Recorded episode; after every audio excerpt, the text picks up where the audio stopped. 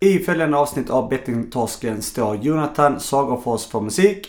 Producerar gör Daniel Svärd och Joakim Frey.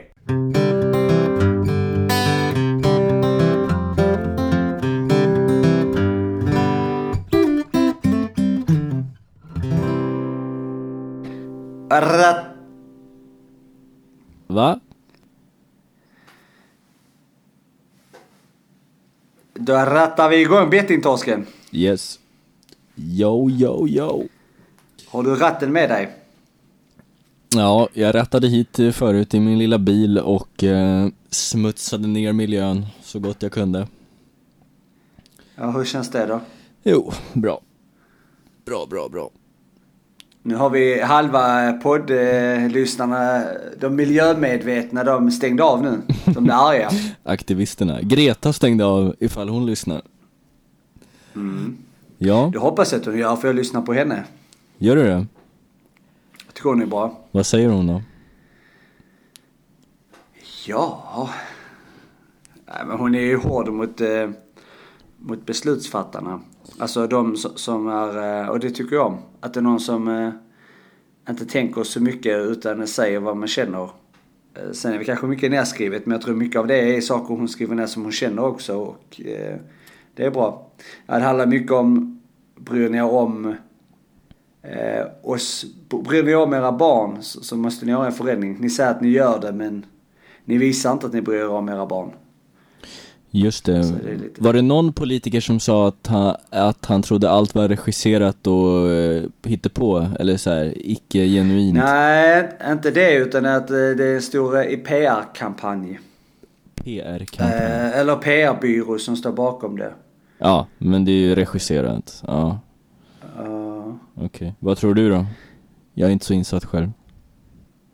nej, det var ganska nyligen det kom ut eh, om, om det där. Men nej, alltså nej, det handlar väl ju såklart om att eh, jag tycker alla borde väl ta ett ansvar. Men, men alltså det som är bra med sådana här rörelser det är ju framförallt att eh, att eh, det börjar, alltså att folket lyssnar. Alltså att det en rörelse bland folket och Mm. kan då, beslutsfattarna kommer ju aldrig förändra sig.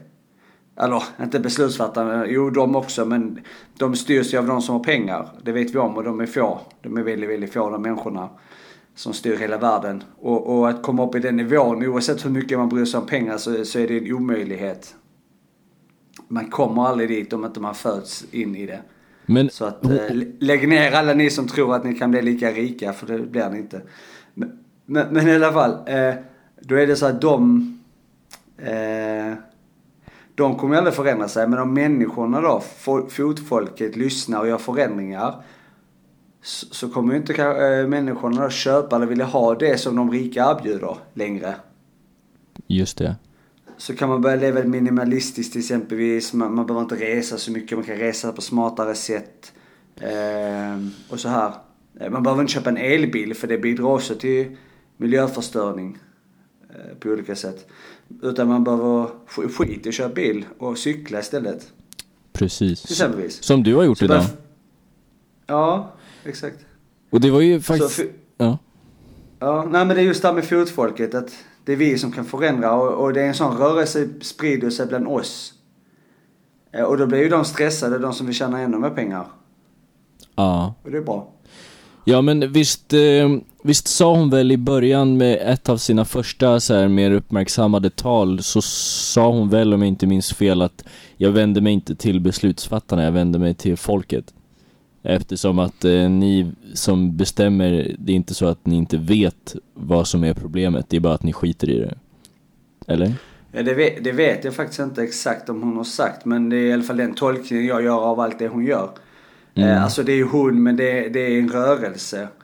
Eh, och jag menar visst, att strejka från skolan, det ger väl kanske inte så mycket. Alltså egentligen, eh, det är mer ett Alltså för svenskar i Sverige är det ju obligatoriskt så att det blir ju stökigt för de som strejkar. Eh, men, eh, men, men det uppmärksammas ju. Och det är ju som hungerstrejk och allt annat som människor gör i olika rörelser. Det ger ju effekt att folk ser att det är det här som händer. Så kanske det inte är rätt väg att gå kanske men det får igång en rörelse så att nu när rörelsen är igång så kan man kanske sluta strejka och förändra andra saker istället. Ja, jag tycker det är skitbra att hon skolstrejkar. Jag tror det har varit eh, viktigt i hennes kampanj. Um, mm. Ja men... Det är Eh, just för att det uppmärksammas i och med att det är olagligt i Sverige att göra. ja, precis. Som, som bryter ju mot eh, en lag. Ja, ja precis. Jag undrar vad det har varit för påföljd mot, i hennes liv eller mot hennes föräldrar. Tror du socialtjänsten blivit indragna i det här att ah, ditt barn går inte i skolan på fredagar? Ja, Ni, jag måste, tror... ni får en varning för det här. Ogiltig frånvaro. Ja, jag vet inte. De, de, alltså, de borde ju ha gjort det eftersom, eller det är lite konstig situation eftersom att alla vet ju var hon håller hus och vad hon gör. Och, men samtidigt blir det ju konstigt att bara bortse från det för att hon gör det hon gör. Alltså, oavsett vad man tycker om det. Jo men då kan man ju liksom, då kan man ju ta bort fredagen från undervisnings, som undervisningsdag. Ja. Men, eh, Men det är också det här, det var ju, det var ju flera vu- vuxna som vabbar. ja. Så, som blev påkomna. För de är också med i strejken. Alltså som jag längtar tills jag blir förälder och bara, du vet, du kan ju tänka dig själv liksom, man vaknar upp på morgonen, man är inte pigg, man vill inte jobba, fast man är fullt frisk. Och alla är friska. Men man drar iväg ett vab-mail. Och det eh, accepteras blint av alla. Ja men mitt barn är sjukt. Ingen kan säga någonting om det. Jag vabbar idag. Och imorgon antagligen. Eh, vi hörs. Mm. De som vill anställa dig, hoppas att de lyssnar på podden. Kom, kommer ett vab-mail första dagen. Så fort Daniel eh, får sig en flickvän och så här, de bara helvete. Nu måste vi... Men du, nej de bara, du sa ju i podden förra veckan att du, eh, du, du har inga barn. Nej, men jag är trött. Eh, Så är det. Ja. man kan ju eh, adoptera, eller man kanske kan så här bli... eh, ja. Adoptera en eh, hamster och vabba lite. Ja. Mm. Nej men jag tänker det här, men det är ganska intressant det här när de eh, vabbar. Eh, när de vabbar då så, så är det... och och sen, sen så är de med i ti- tidningen där står och gör skolstrejk liksom. Ja, Arbetsgivaren, vad fan är det här? Ska inte du? ja.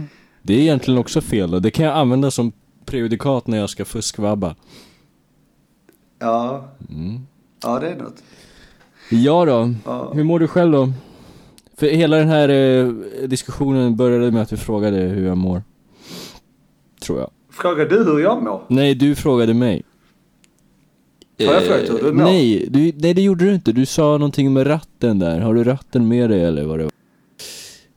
Ja, nu rattar jag. Eh, Okej, Alltså I'm- jag tycker vi frågar för ofta hur vi mår. Jag tycker det, det är överskattad fråga. ja, men jag tar tillbaka Jag den. utgår, jag, utgår, jag utgår från att mår du inte bra, då säger du till. Okej. Här ska vi inte prata känslor. Det är ändå, vi är ändå två, två tuffa grabbar som pratar med varandra. Ja, Ja, Det enda- hur det mycket enda pengar du att tjänat den här veckan? ja fy fan. Det, det, det enda, enda vi har gjort de senaste 60 avsnittet är att prata känslor. Så att, eh, Ja, så, det får räcka nu. Nej, nej men hur mår du? Mår du bra? Eller mår du inte bra? Mår du piss eller pasta? Jag vet inte. Nej men, eh, nej det är stabilt. Jag, jag fortsätter min positiva streak faktiskt. Ja, det Ja, men det känns bra. bra. Mm. Det var jävla kul det där äh, när vi hördes här, äh, här om sistens. Och du sa ähm, Helvete vad jag mår dåligt. För du, du håller ju också på nu och slu, du, du håller på att sluta snusa. Har du sagt. Ja.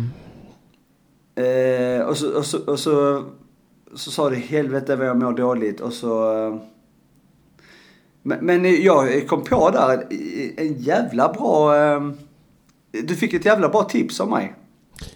Ja, du sa att jag skulle tänka på eh, de ögonblick när snus har varit riktigt äckligt. Typ att man vaknar på natten och har snusen kvar i munnen och det bara rinner ner i halsen. Eh, jag blev, jag blev faktiskt, jag tyckte verkligen att det var ett bra tips. Det tyckte jag. Det var, det var därför, jag var liksom genuin när jag skrev det till dig, men eh, det har inte hjälpt mig tyvärr. Men, eh, Nej men för du, du frågar ju mig hur gjorde du och när hur, det var jobbigt, när var det som jobbigast Ja. och, och så.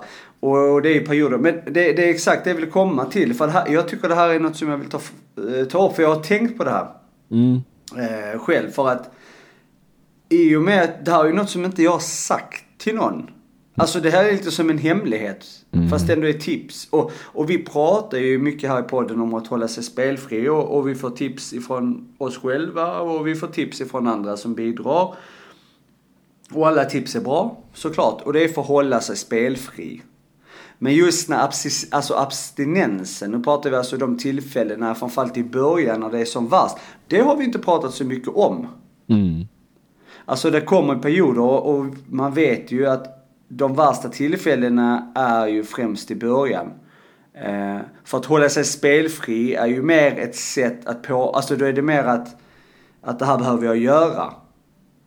Det, det här är liksom en viktig sak för att fortsätta hålla sig spelfri. Man har inte kanske lika mycket abstinens när man efter två år går ner på spelberoende, alltså ner på ett möte liksom.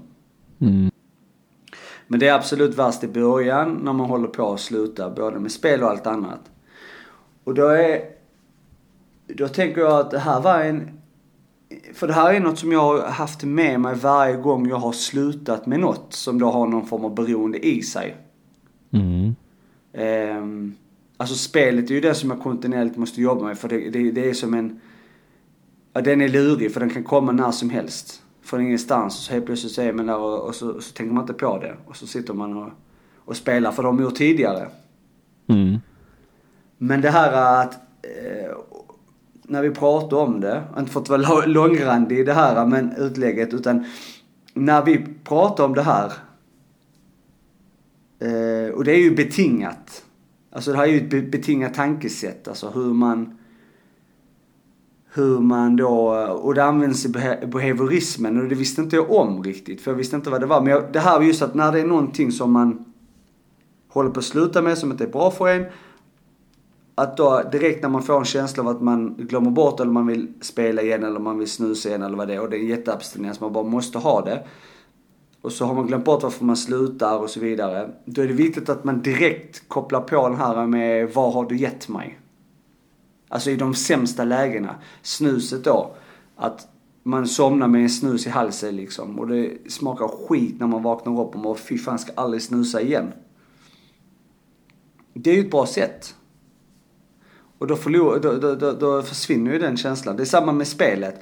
Att man bara, nej fan jag vet att vad det här kommer ge mig. Det här kommer inte ge mig nå, någonting bra. Alltså främst i början, att eh, man måste direkt tänka på vad det har försakat med vänner och familj och allting annat. Ehm, ett bet, ja, betingat eh, tankesätt helt enkelt.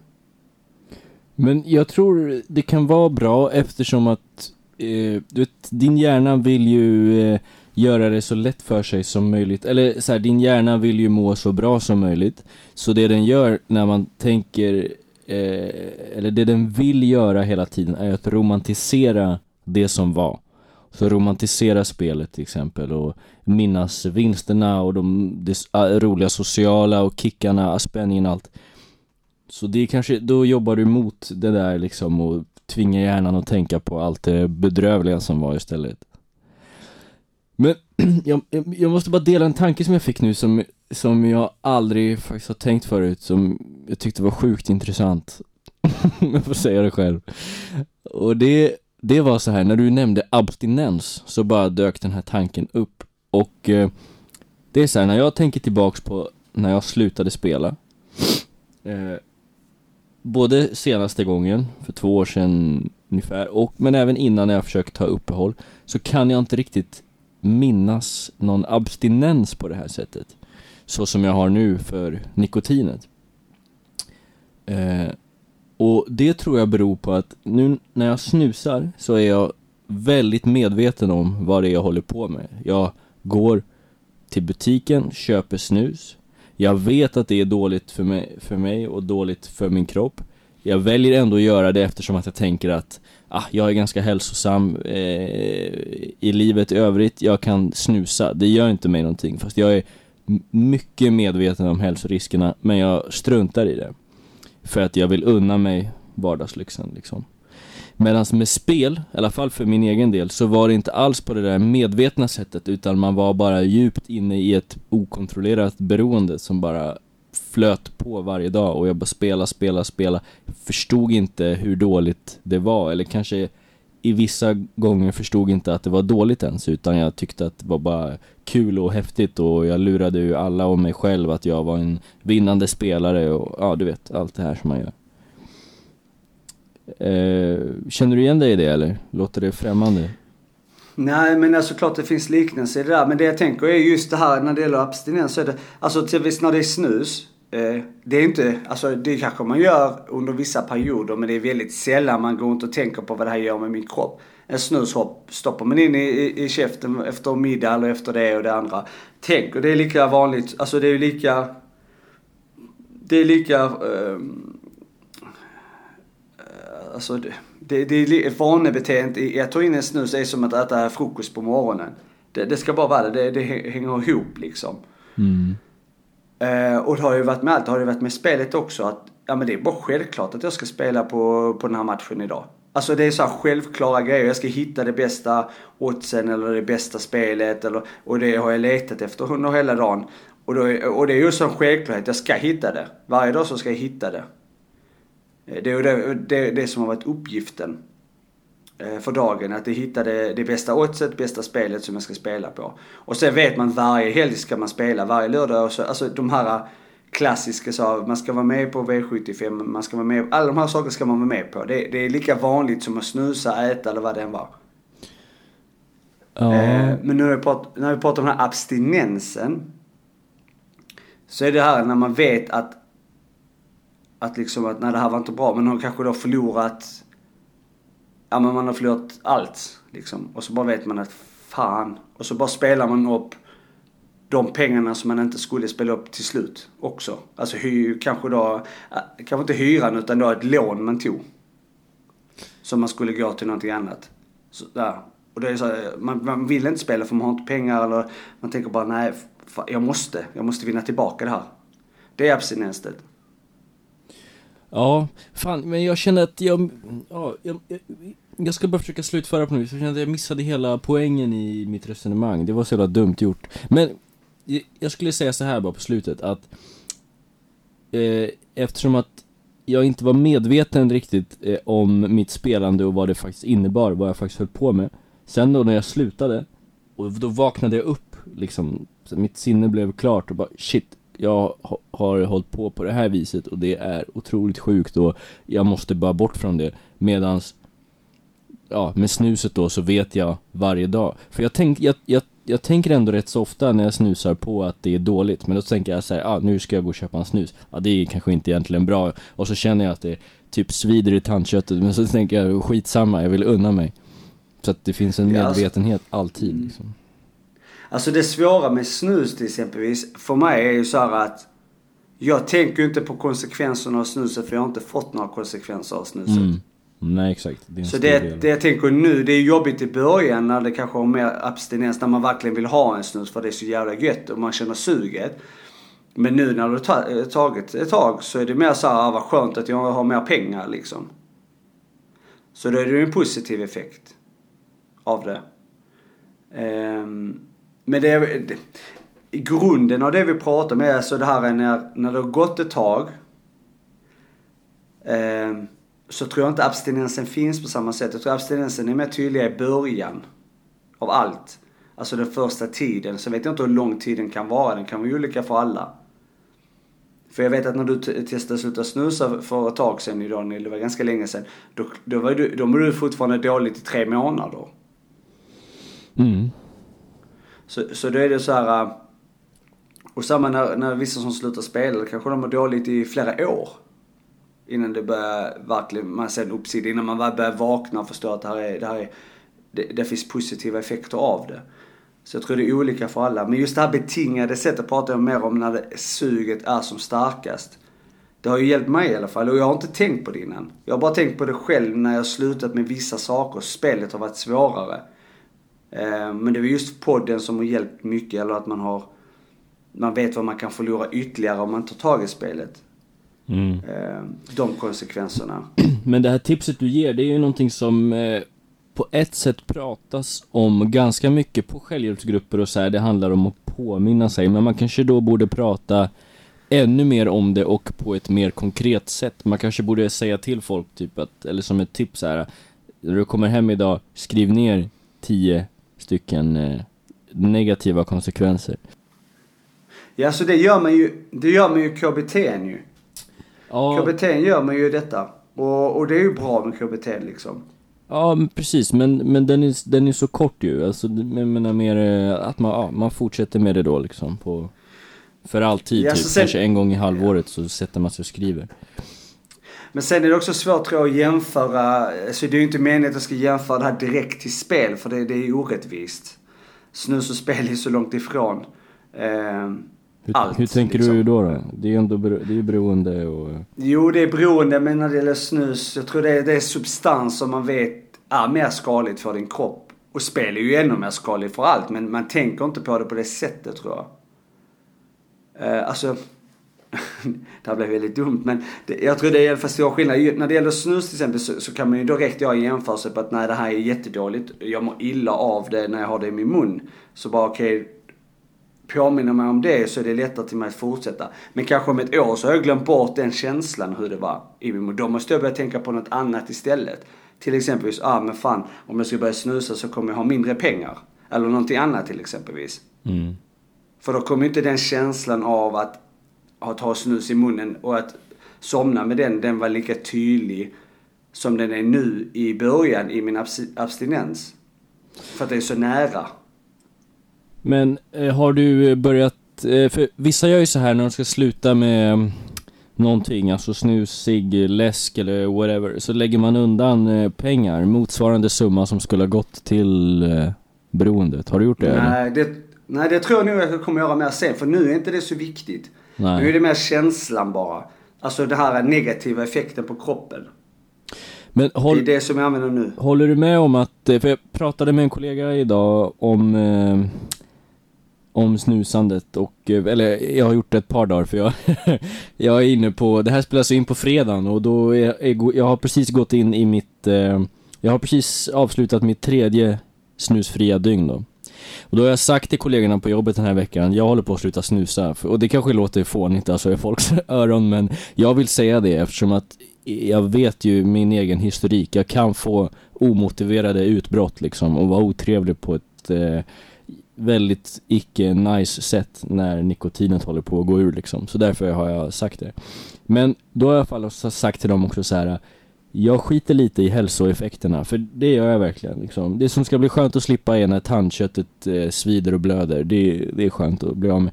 Men i övrigt, hälsoeffekterna bryr mig inte så mycket. Men jag vill inte bli kontrollerad. Alltså snuset äger ju mig.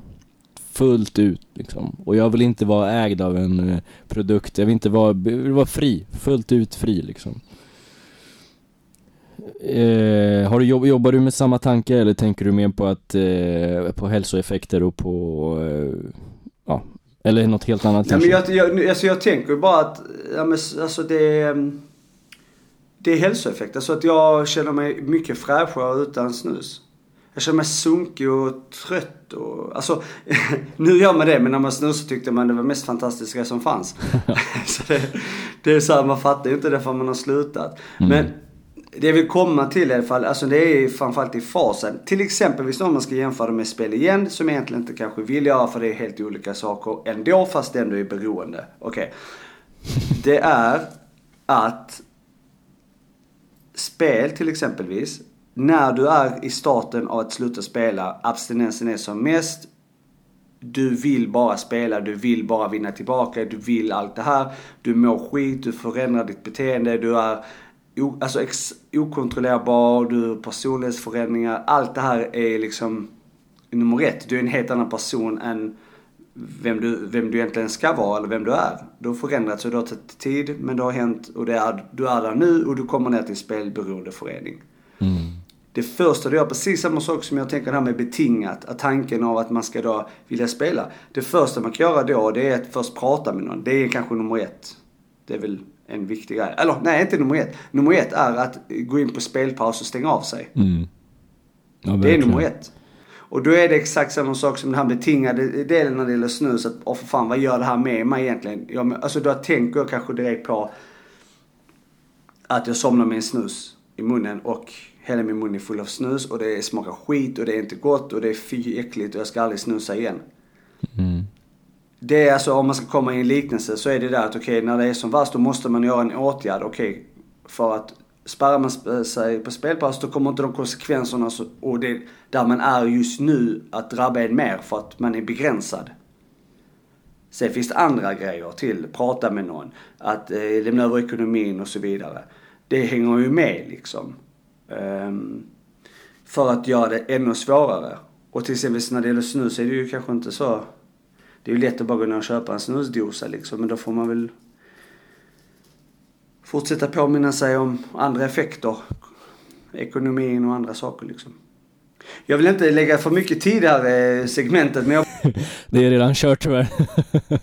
ja, nej, men jag kommer bara tänka på för att när vi pratar med varandra du, du, och du ställer, för jag har inte tänkt på det innan och när jag sa det till dig så sa min eh, flickvän lyssnade och hon sa men det här är ju ett betingat sätt att göra, precis som de med möss. Eh, så varje gång de vill ha någonting som är gott så får de en stöt. Och till slut så vill de inte ha det goda längre. Mm. För de förknippar då det goda med en stöt, vilket är ont. Mm. Så slutar de då vilja ha det goda. Eh, De har gjort, det här är ju liksom behaviorismen och det, det är långt tillbaka. Så man kan, eh, och jag visste inte det här. Men nu vet jag. Så, Nej men eh, det är ju så här, vi ska inte lägga för mycket tid på snus i den här, men det är ändå viktigt att, tycker jag, prata om för att det är en stor, det är en stor grej liksom och nu, jag, håller, nu håller vi på med det samtidigt och du inspirerade ju mig i, i, i det här. Jag hade ju en elev också för ett tag sedan som sa till mig eh, så här, jag skulle hjälpa henne med någonting och hon bara, ja du luktar snus. Och Man får ju sådana här, det är inte kul att höra det liksom. Och sen så, då, då har jag tänkt på det. Och sen så när du När du slutade nu så tänkte jag så här, ah shit fan starkt jobbat. Och jag bara, äh, nu, nu kör jag också. Så Ja, vi får se. Jag hoppas det går bra. Men, alltså du vet när hon, eh, eleven säger det till dig att du luktar så. Egentligen vill hon säga, du vet hon, hon är där är hon ganska snäll. Hon är säkert, du vet när man själv var ung i hennes ålder. Så kom det en Ja. rektor som luktade bajs i munnen. Ja. Och så kunde man inte säga till personen så här, du luktar riktigt jävla illa i munnen, du luktar bajs. Då sa man istället, eh, du fröken, du luktar cigaretter eller vad hittar på snus. någonting. Eller, du är den personen Daniel. Eh, Ja men jag vet att jag är den personen och det äcklar mig för jag hade Jag, jag, jag hade alltså eh, gissningsvis eh, väldigt många jämfört med andra elever, lärare som hade dålig andedräkt. Det här vet jag att alla från min högstadieklass kan intyga. Vi hade lärare som luktade otroligt illa i munnen liksom. Och, då, och det, det kan ju bli allvarliga konsekvenser. Det kan ju bli, jag vet i alla fall, för egen del. Vi hade en matte NO-lärare. Jag drog mig för att be om hjälp. Liksom. På Mm. grund av det här. Jag kanske missade, jag kanske fick ett sämre betyg på grund av det. Jag vet inte. Apropå Men kan vi dra, men kan vi dra slutsats att alla i läraryrket luktar illa i munnen då? Eller? Eh, nej, alltså det tror jag Okej. inte för... Men eh, vad var nästa grej nu? Alltså. Ja, bra. Nej men ehm, du får väl, du får väl, ehm, det, det är ju du som har lite, lite på gång här. Eller? Ja, jag har spelat in. Jag gjorde en fin liten inspelning. Ja. Eh, Vi kan väl dra in den här rakt in och så kan vi väl ta det därifrån. Eh, nu direkt, Kör. det gör vi. Spännande. Det är den 24 april och klockan är 13.40. Det ska vara en um, presskonferens här där Ardalan Shekarabi ska... um, ehm, han ska ge ett svar uh, hur man, regeringen ska arbeta då i nästa steg för att stoppa den aggressiva spelreklamen. Så nu ska vi se här vad, um, vad han kommer att säga. Det är alltså live nu då. Vi hoppas såklart på att det ska vara ett förbud. Vi ser inga andra anledningar till att det ska vara lagligt med spelreklam. Eh, vi har också ställt frågan många, många gånger under lång, lång tid där vi inte fått ett enda rimligt svar. Alltså om någon kan motivera eller bara ge en rimlig anledning varför man inte ska förbjuda spelreklam. Eh, så att, eh, och det har vi inte fått något svar på av någon egentligen. Någon som jobbar i branschen av spelbolagen eller av eh, politikerna. Så har vi inte fått något svar på detta.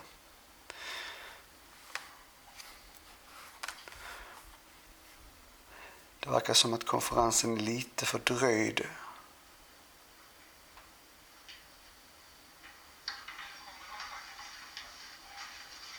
Nu kommer Adelen. Ja, hej vänner. Eh, idag har vi pressträff med anledning av regeringens kommande åtgärder kring eh, spelreklam. Jag kommer redogöra för nästa steg för regeringen vad gäller den fråga som aktualiserats under senaste tiden om behovet av reglering av spelreklam. Sen 1 januari har vi eh, en ny lagstiftning på plats som innebär att alla bolag måste följa den svenska rätten och eh, bolagen har eh, ansökt om licens i väldigt stor utsträckning. Vi eh, noterar att det finns en hög kanalisering av de bolag som var aktiva på den svenska marknaden redan före den 1 januari. En mycket stor andel av dem har ansökt om licens och bedriver nu verksamhet i enlighet med svensk lag. Och hela syftet med den här reformen är att återta kontrollen över den svenska spelmarknaden och säkerställa att de svenska konsumenterna har ett tillräckligt bra skydd på spelmarknaden. Eh, vi har precis fått underlag om hur det ser ut på spelmarknaden, hur det såg ut eh, i samband med omregleringen den 1 januari. Och det vi ser är att under de senaste åren så har det faktiskt varit en utveckling där allt färre spelar men de personerna spelar för betydligt mer pengar. Så det är alltså en, en, en, en relativt sett liten grupp i samhället som är väldigt utsatt och som, som befinner sig i riskzonen för, för eh, spelmissbruk. Och det är också bakgrunden till varför så många har valt att använda sig av den självavstängningsmöjlighet som infördes 1 januari. Som innebär att konsumenter får möjlighet att stänga av sig från allt spelande på hela den svenska spelmarknaden. Idag är det över 30 000 människor som har stängt av sig Eh, tack vare då spelpaus och eh, det är ju en av de mekanismer som vi har satt på plats för att skydda konsumenterna. Licenssystemet eh, är nu på plats och vi har möjlighet att, att justera regelverket i syfte att skydda konsumenterna ännu bättre. Och det innebär ju också att den svenska staten har efter flera decennier återtagit kontrollen över spelmarknaden. Ett ansvar som staten inte tog under över två decennier. Men nu har vi möjligheterna att agera, rättsordningen är på plats och då är det också viktigt att vi agerar. Det område där vi ser eh, störst behov av justeringar av regelverket för att få på plats ett tillräckligt bra konsumentskydd, det är spelreklamen. Och bakgrunden är att vi, vi anser att, att situationen med spelreklam är ohållbar. Vi har eh, både problem vad gäller innehåll och omfattning Eh, på spelreklamen och det innebär ju att ett av syftena bakom omregleringen, alltså skyddet för konsumenter, är hotat. För vi kan inte skydda konsumenterna tillräckligt bra om vi har den rådande situationen vad gäller spelreklam. Vi började väldigt metodiskt på det här området så vi eh, hade en dialog med branschen där branschen fick möjlighet att agera för självreglering och vårt budskap till branschen var att om de kom tillbaka med en självreglering som ledde till en märkbar förändring och som minskade reklamens aggressivitet och omfattning, ja då skulle vi eh, naturligtvis välja den vägen före eh, en eh, lagändring. Branschen kom tillbaka med en självreglering men vår bedömning är att den självregleringen inte är tillräcklig. Att den självregleringen inte kommer att leda till en märkbar förändring som innebär att vi får på plats ett tillräckligt bra skydd för konsumenterna. Och därför har vi gjort bedömningen att, att det krävs nu eh, åtgärder från statsmaktens sida i syfte att skydda konsumenterna. Och det innebär att vi nu inleder processen för att skärpa regelverket för spelreklam. Och på morgondagens regeringssammanträde kommer regeringen att fatta beslut om tilläggsdirektiv till spelmarknadsutredningen eh, som får i uppdrag att föreslå eh, begränsningar av möjligheterna att, att rikta reklam till konsumenter på spelmarknaden. De här åtgärderna som, som utredningen ska ta fram gäller både reklamens innehåll och omfattning. För vi gör bedömningen att eh, omfattningen spelar roll även om eh, varje reklaminslag i sig skulle vara måttfull så har vi problem med en situation där konsumenter utsätts för spelreklam överallt och, och eh, på en nivå som innebär att vi har en aggressiv marknadsföring av spelverksamhet. Utredaren får nu uppdrag att, att eh, ta fram förslag på åtgärder som innebär då att vi begränsar spelreklamen. Och vi ger ett öppet mandat till, till utredaren att, att, att föreslå olika typer av eh, lösningar. Det kan eh, handla om att vi inför samma regler för spelreklam som vi har för alkoholreklam och tobaksreklam. Alltså att vi skulle införa då ett krav på särskild måttfullhet jämförelse då med den gällande rätten där vi har krav på måttfullhet i samband med eh, spelreklam. Det kan innebära att, att utredaren föreslår en begränsning av vissa inslag, till exempel bonusar, jackpottar, gratisspel i marknadsföringen av spel. Det kan innebära att utredaren föreslår skärpta krav på information. Till exempel att, att man i samband med eh, annonsering måste ange också riskerna, de ekonomiska riskerna för spelande och hur mycket pengar man faktiskt förlorar när man spelar. Det kan innebära att utredaren föreslår att eh, vi helt enkelt begränsar marknadsföring av vissa typer av spel. De spel som är farligare och, och, här vet vi ju att, att, att nätkasino är en av de spelformer som utsätter konsumenterna för väldigt stora risker. Och här har utredaren möjlighet att förbjuda, eller föreslå då, eh, förbud för eh, vissa marknadsföringsinsatser inom detta. Det kan innebära att, att vi gör det som händer i andra europeiska länder, att man faktiskt begränsar möjligheterna att sända reklam i samband med till exempel livesändningar av idrottsevenemang, alltså begränsningar av var och när man får rikta reklamen till konsumenter. Det finns faktiskt också en öppenhet för utredaren att för, föreslå då totalt eller partiellt förbud av spelreklam. Eh, och eftersom den delen kan beröra eh, grundlagsskyddade eh, frågor i tryckfrihetsförordningen så kommer då utredaren att föra en dialog med tryck- och yttrandefrihetskommittén, den grundlagsutredning som sitter och arbetar. Och utredaren ska anmäla till regeringen om det kan vara så att, eh, att eh, eh, grundlagsändring krävs och då ska vi agera därefter och säkerställa också att grundlagsutredningen jobbar med de förslagen. Syftet med den här åtgärden och den här processen som vi sätter igång imorgon är ju att skydda svenska konsumenter på spelmarknaden.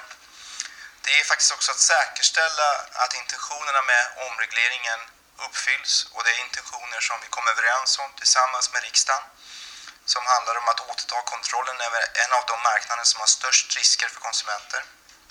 Vi kommer noga nu eh, parallellt med det här utredningsarbetet att följa utvecklingen och där har ju Statskontoret ett uppdrag att kontinuerligt följa och utvärdera effekterna av omregleringen av spelmarknaden.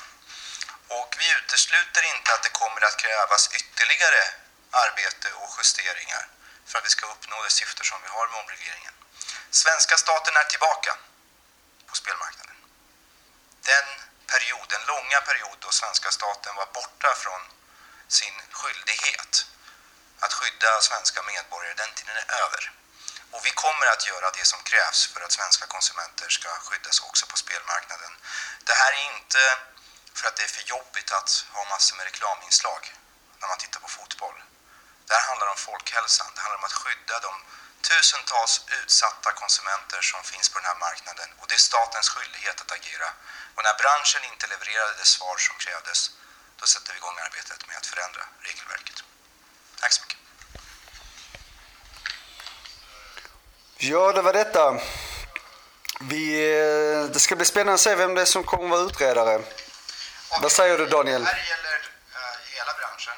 Uh, vi gör ingen skillnad på, på bolagen och det budskap som jag hade till branschen riktades också till Svenska Spel och de andra aktörerna som fanns här i Sverige redan före 1 januari 2019. Jag noterar att Svenska Spel har vidtagit ett antal åtgärder under de senaste veckorna.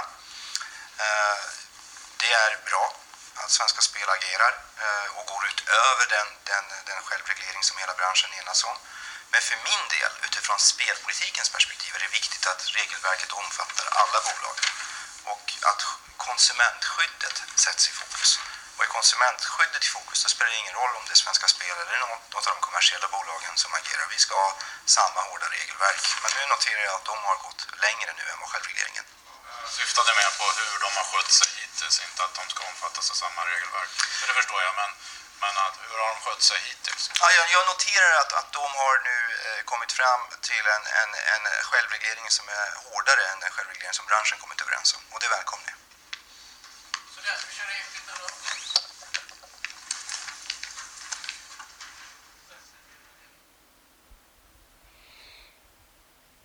Yes, inga fler frågor här borta på Adalan. Men eh, vi har massa frågor. Och eh, ja, vad säger du Daniel? Yes. Jag ställde, en frå- jag ställde en fråga i min inspelning. Mm. Hur tänker du Daniel? Mm, jag tänker... eh, jag tänker mycket saker, men jag känner att varje gång jag uttalar mig om de här bitarna liksom så är, blir jag så väldigt... Så blir det rubriker på Aftonbladet och Expressen. Ja, då ringer de vet du. nej, verkligen inte. Och tack och lov för det alltså, herregud. Men nej, jag känner bara att jag blir så negativ så att, men så här, kortfattat kan jag säga så här, jag känner att eh, det här är ett litet steg eh, för mänskligheten. nej, det är ett litet steg, men det är ett positivt steg, det är rätt riktning eh, och det finns många bra delar, men det som det som jag stör mig på tror jag, som, tillsammans med många andra, det är ju de här trötta, eh, vad ska man säga, målen, alltså de här väldigt långsiktiga tankarna. Det, det blir ju alltid det här, förhoppningsvis den här eh, generationen ska vi kunna titta på det här, eller ja, så. Så det är väl så jag känner, men eh, ja, jättebra. Det, det, eh, det mest positiva ska jag säga är så här att jag tycker det, man måste ju tolka in att eh, Ardalan och alla kollegor till honom och eh, vad det nu är, spelinspektion och allting. De öppnar ju absolut upp dörren för ett eh, totalförbud eller åtminstone en, eh, alltså åtminstone restriktioner i, i, på nivå med alkoholen. Och det är väldigt positivt. Mm. Vad känner du själv? Jo, alltså. Jag tyckte det var intressant där fråga. Jag vet inte om den var tydlig. Men då var det någon som frågade vad de tyckte om Svenska Spels, alltså statens egna eh, ansvar i det här liksom. Och, Mm. och då säger han att de har kommit, jag vet inte vad han menar med att de har kommit med, det kan jag gärna berätta i så fall vad det är för något som de själva har reglerat. Som inte då de andra har. För jag tycker det är lite, bara, alltså. Jag har inte märkt av någonting och jag drar väl alla över en kam där för att spelreklamen tycker alla är lika engagerade och är delaktiga där. Alltifrån staten till alla andra liksom. Alla köttar på. Mm. Så jag tycker det är, det är hyckleri. Så jag tycker det var en bra fråga av han som eh, efter då eh, Ardanans monolog. Mm. Eh, men nej, det jag däremot har utredningen ska ju göras. Eh, som vi inte fick svar på där, men som har kommit nu i efterhand. Och det är fram till oktober 2020. 2021 Som det- va? Eh, Ja, 2020 va? Var det väl att utredningen skulle bli klar. Var det det? Men jag, fan, jag fick för mig 21. Det var det som gjorde mig också eh, väldigt negativ. Då kanske inte jag behöver vara så negativ då. Ja men oavsett vad så tycker jag om de vet om att det här är ett så stort problem så förstår jag inte varför man inte agerar lite mer snabbare. Ja. Ehm, det är senast den 1 oktober 2020 ska utredningen vara klar då och så sättas på plats tror jag det var 2021 vill jag minnas. Okej, Men okej. 2020 när de vet att spel, allvarliga spelberoende alltså har gått från 30 till 45 000 alltså på, på, på några år. Och det har ju varit på grund av reklam, på grund av online, och så vidare. Det, det är ju, det är väl den koppling man kan se. Och nu har de alltså fritt, spelbolagen de har ju fritt eh, spelrum fram tills oktober 2020 och hur många offer ska falla in. Jättebra att du säger det, förlåt jag avbröt men jättebra, jag tänkte samma tanke. Det är, alltså det är ett och ett halvt års tid liksom. Hur många kommer drabbas hårt tills dess? Ja. Ja. Ja, alltså man måste, man, man- alltså, om- för de vet att självregleringen funkade inte. Det Mm. säger han ju. Mm. De kommer inte tillbaka med något bra. Eh, nej, det kan man fatta. Och sen också det, men vad är riktlinjerna? Du vet, spelbolagen vet ju inte riktigt heller vad de ska... Alltså, är det en förhandling eller vad är det grej? Alltså, du vet, det är ju jättesvårt. Man kan ju inte bara säga, ja men ni får själv bestämma. Ja, men vi är inte nöjda. Men var är ni någonstans? Var kan man mötas? Vi säger ju förbjuda. Mm. Då är det väl lättare för spelbolagen. Okej, men vi kan väl förbjuda detta. Precis, ja. Då är det verkligen. väl en bra självreglering. Men i och med att staten inte säger någonting. De bara, äh, men, äh, lös det här. Ni, ni får tid på er så kan ni själv eh, bestämma. Det är taskigt också faktiskt. Ändå vi är på spelarnas sida så måste man vara, vara ärlig och säga att det, det är ju inte...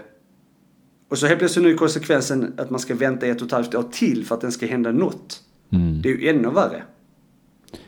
Ja, och jag tycker också ett stort problem är att eh, det finns vissa som måste kliva fram och liksom stämma i bäcken här för att vi har ju eh, nu får de mycket skit här då, men ja, de, det ska de ha. Je, vad heter det, Jenny Nilsson och Gustav Hofstedt som jag tror typ träffas och tar ett glas champagne och firar varje gång ordet självreglering nämns liksom. Det är ju deras, det är ju, det, det är ju deras tionde budord, det är ju självreglering liksom. Och jag tycker det är så slappt och dåligt av dem att de inte kan släppa det där nu, för det är det enda de gapar om. Det måste självregleras. Nu har vi, Jenny säger så här, nu har vi släppt in eh, eh, eh, bolagen på marknaden, då kan man inte bara börja förbud, förbjuda hit och dit. Det gäller en självreglering. Och vad, vad hon än uttalar sig så är det alltid det här tjatet. Och det är väldigt tröttsamt för att uppenbarligen, som du precis nämnde, inte gått så bra.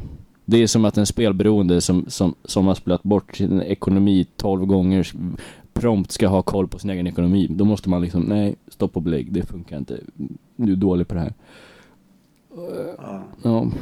Men sen också intressant, vem är det som ska göra den här utredningen? Vem är, vem är de? Alltså vem, vem är, alltså, ansvariga för det här? Var hittar man den informationen? Är det någon som vet så mejla oss på info.bettingtorsken.se för att jag vill gärna veta vem, vem det är som ansvarar för det här. Eller jag kanske helt missat allting. Jag vet inte om det är Ardalan själv som ska sitta och, och kolla runt eller... Ja, det tror jag inte. Men nej, det är bra. Ja. Det kan man berätta om man har Så koll. bara vem, vem är personerna? Hur ser deras kopplingar ut? För vi vet ju att det är mycket, många inom den högsta eliten och ja, på olika sätt som är involverade i spelbolag också. Mm. Och jag lämnar lite där. Jag vill gärna veta vem de här människorna är och hur oberoende och allt annat ser ut liksom. För att ska det komma ut en ren och bra utredning som har granskat allt, kollat alla faktorer.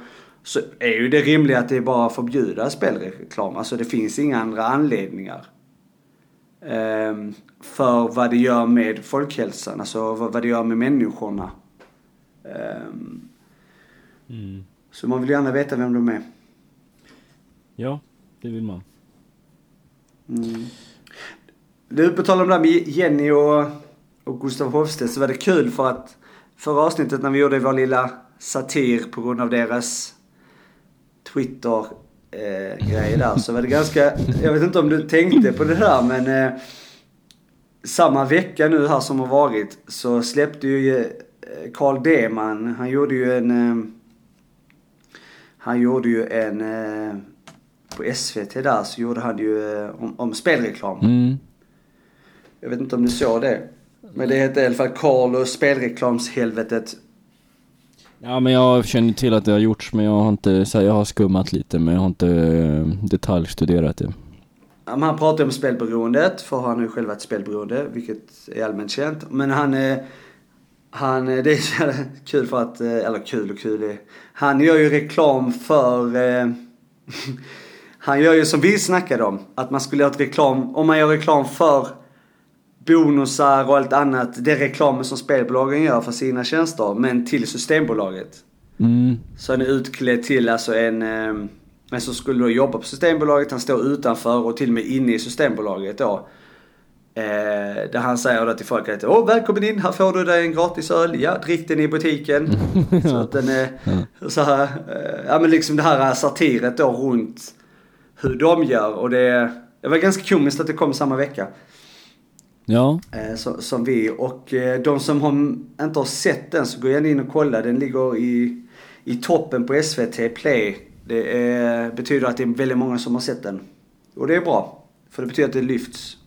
Jaha, okej, ja men då är jag med. Okej, men du är för var positiv. Jag trodde det skulle komma någon sågning här, men... eh, Ja, nej, Okej. nej. Alltså det är ju sågningen igen Mm. mot Jenny Nilsson Ja. och Gustav Hofstedt om hur de håller på med... Ja, man ser ju alla som har sett den här nu säger det är det är ju sinnessjukt. Alltså det är otänkbart. Alltså att man ska... Då sitter han också då, Carl Deman, och pratar med Robert Laul. Och Robert Laul har ju al- alkoholberoende. Som han har, jobbat mycket med. Och, eh, och då pratar de då och jämför dem mellan varandra och just också reklamen. Och säger det att det hade varit helt otänkbart med just om alkoholbolagen fått göra på samma sätt och, och så vidare. Så ja, att, eh, ja. men ehm, jag tänker ändå att eh, det är ju bara... Det är ju trots allt bara 15 gånger högre eh, risk för självmord, så att vi kan väl... Vi kan väl köra på med reklamen ett tag till. Kan vi inte det? Mm. Ett och ett halvt år kanske? Ja, vad var det? Det är, väl, det är 2020? väl bra att vi softar lite ett tag och känner, på det här lite grann. Mm. Ja, precis. Som inte de har vetat i tiotal år redan vad konsekvenserna blir. Ja, man får inte Men du, en stressa. annan sak, men du, en annan sak som jag också tänkt på är att du vet, de pratar ju mycket om att det är 30 000 som har stängt av sig på spelpaus. Mm. Det är väl en summa som de brukar nämna. Och, och det är ju bra att många stänger av sig. Något som jag däremot ty tycker är lite, om man får kritisera den summan är ju att man vet att de 30 000 är ju inte 30 000 spelare. Nej, det där är väldigt Det- intressant. Ja. Det skulle vara intressant att sätta en summa på hur många av dem som faktiskt är eh, anhöriga också. För det är många, många, många anhöriga som har stängt av sig också. Eh, och det är ju också bra för att, men just att, att de använder ju det liksom för att vi gör ett bra jobb. Det är inte riktigt det det handlar om. Eh, alltså till Spelinspektionen att, att det finns ett bra skydd och det är 30 000. Utan det här är ju många människor som både har spelproblem men också anhöriga då som har anmält sig på denna tjänsten. Eh, vilket är såklart bra men man har, jag tror inte man når ut till alla de som faktiskt är spelare. Alltså de som är i risken.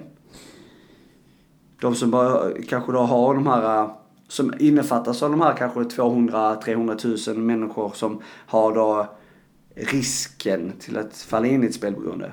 De har ju inte stängt av sig.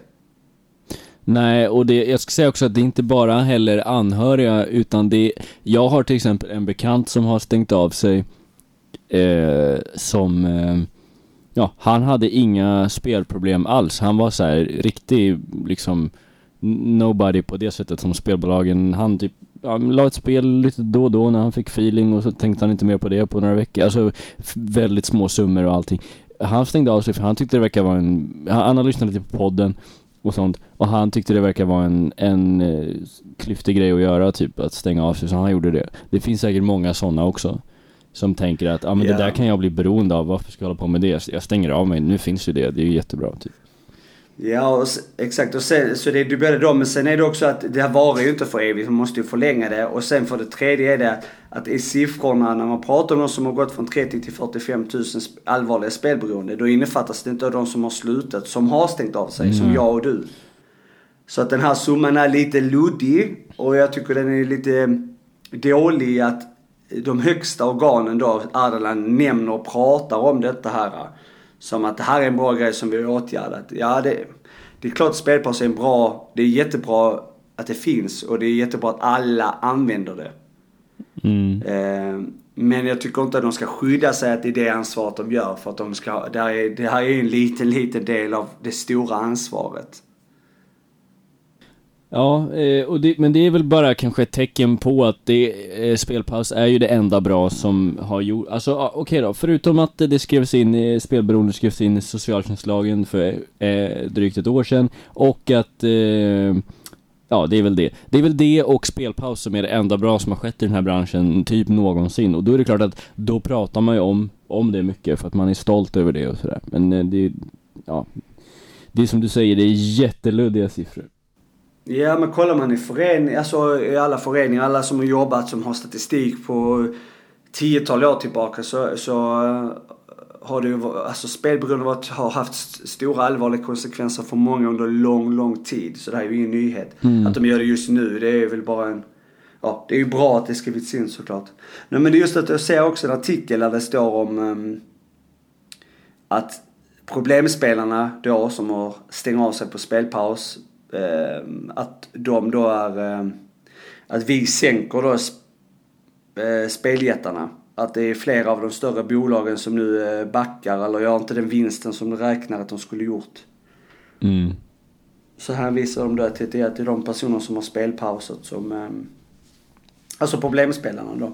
Men vad kan man göra? Ska man inte kunna kräva av, eh, skulle man inte kunna kräva liksom av spelbolagen att alla att redovisa siffror, alltså anonymt då såklart, men att vi säger att eh, bolag X har eh, blivit av med 3000 spelare på spelpaus. Redovisa deras eh, spelvanor.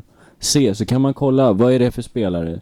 Jaha, den här personen har inte spelat ett enda spel för det var en anhörig. Eller den här personen spelade senast för åtta år sedan, ingen risk, alltså du vet sådär. Så då kan man se liksom hur Men det går inte, Sann- det är så här person, det är ju, de skyddar sig ju det, det är sekretess och det är person, alltså att det är uppgifter på personer som de inte Jo men man ska ju såklart inte, alltså jag menar helt anonymt fast ändå bara siffrorna liksom.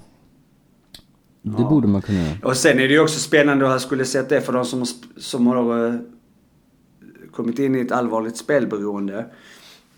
Då har man ju, kan man ju se också på deras spelmönster hur, de, hur det har förändrats under tid.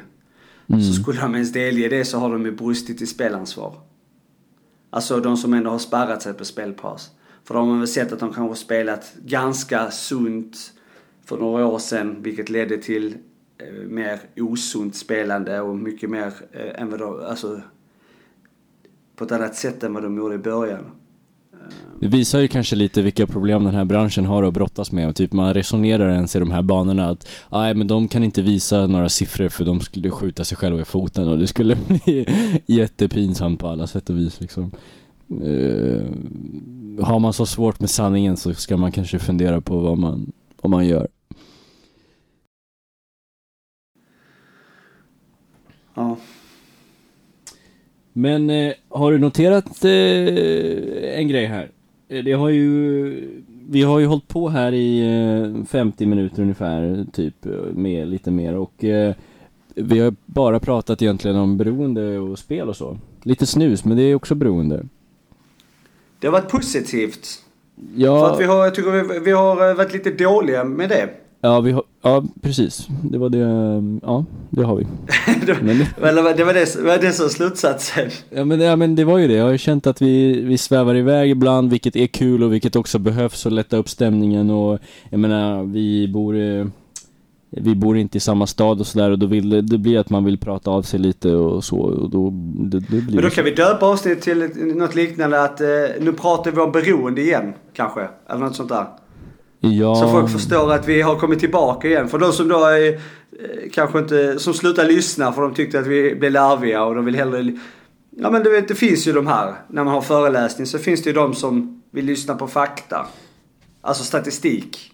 ja. Sen finns det de som vill lyssna på, på den emotionella delen och, och känslor och allt annat som hör till det. Men, Är du med? men, men ska vi göra en sån grej för första gången då? Att vi bestämmer namnet på avsnittet här och nu? Alltså innan?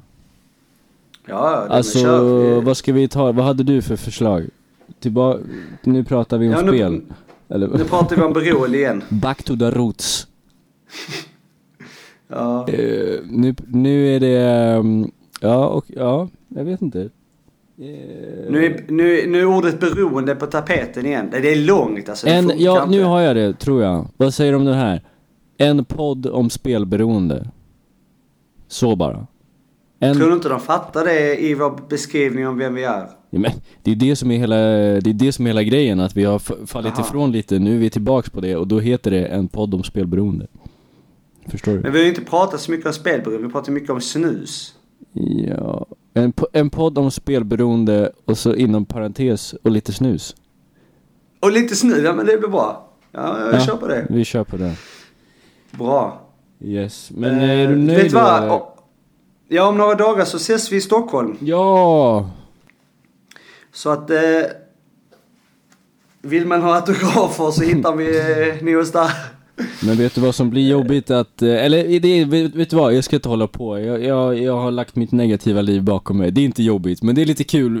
det, det är lite konstigt. Jag kommer komma fram till Stockholm halv sju på morgonen och du kommer eh, lite efter elva va?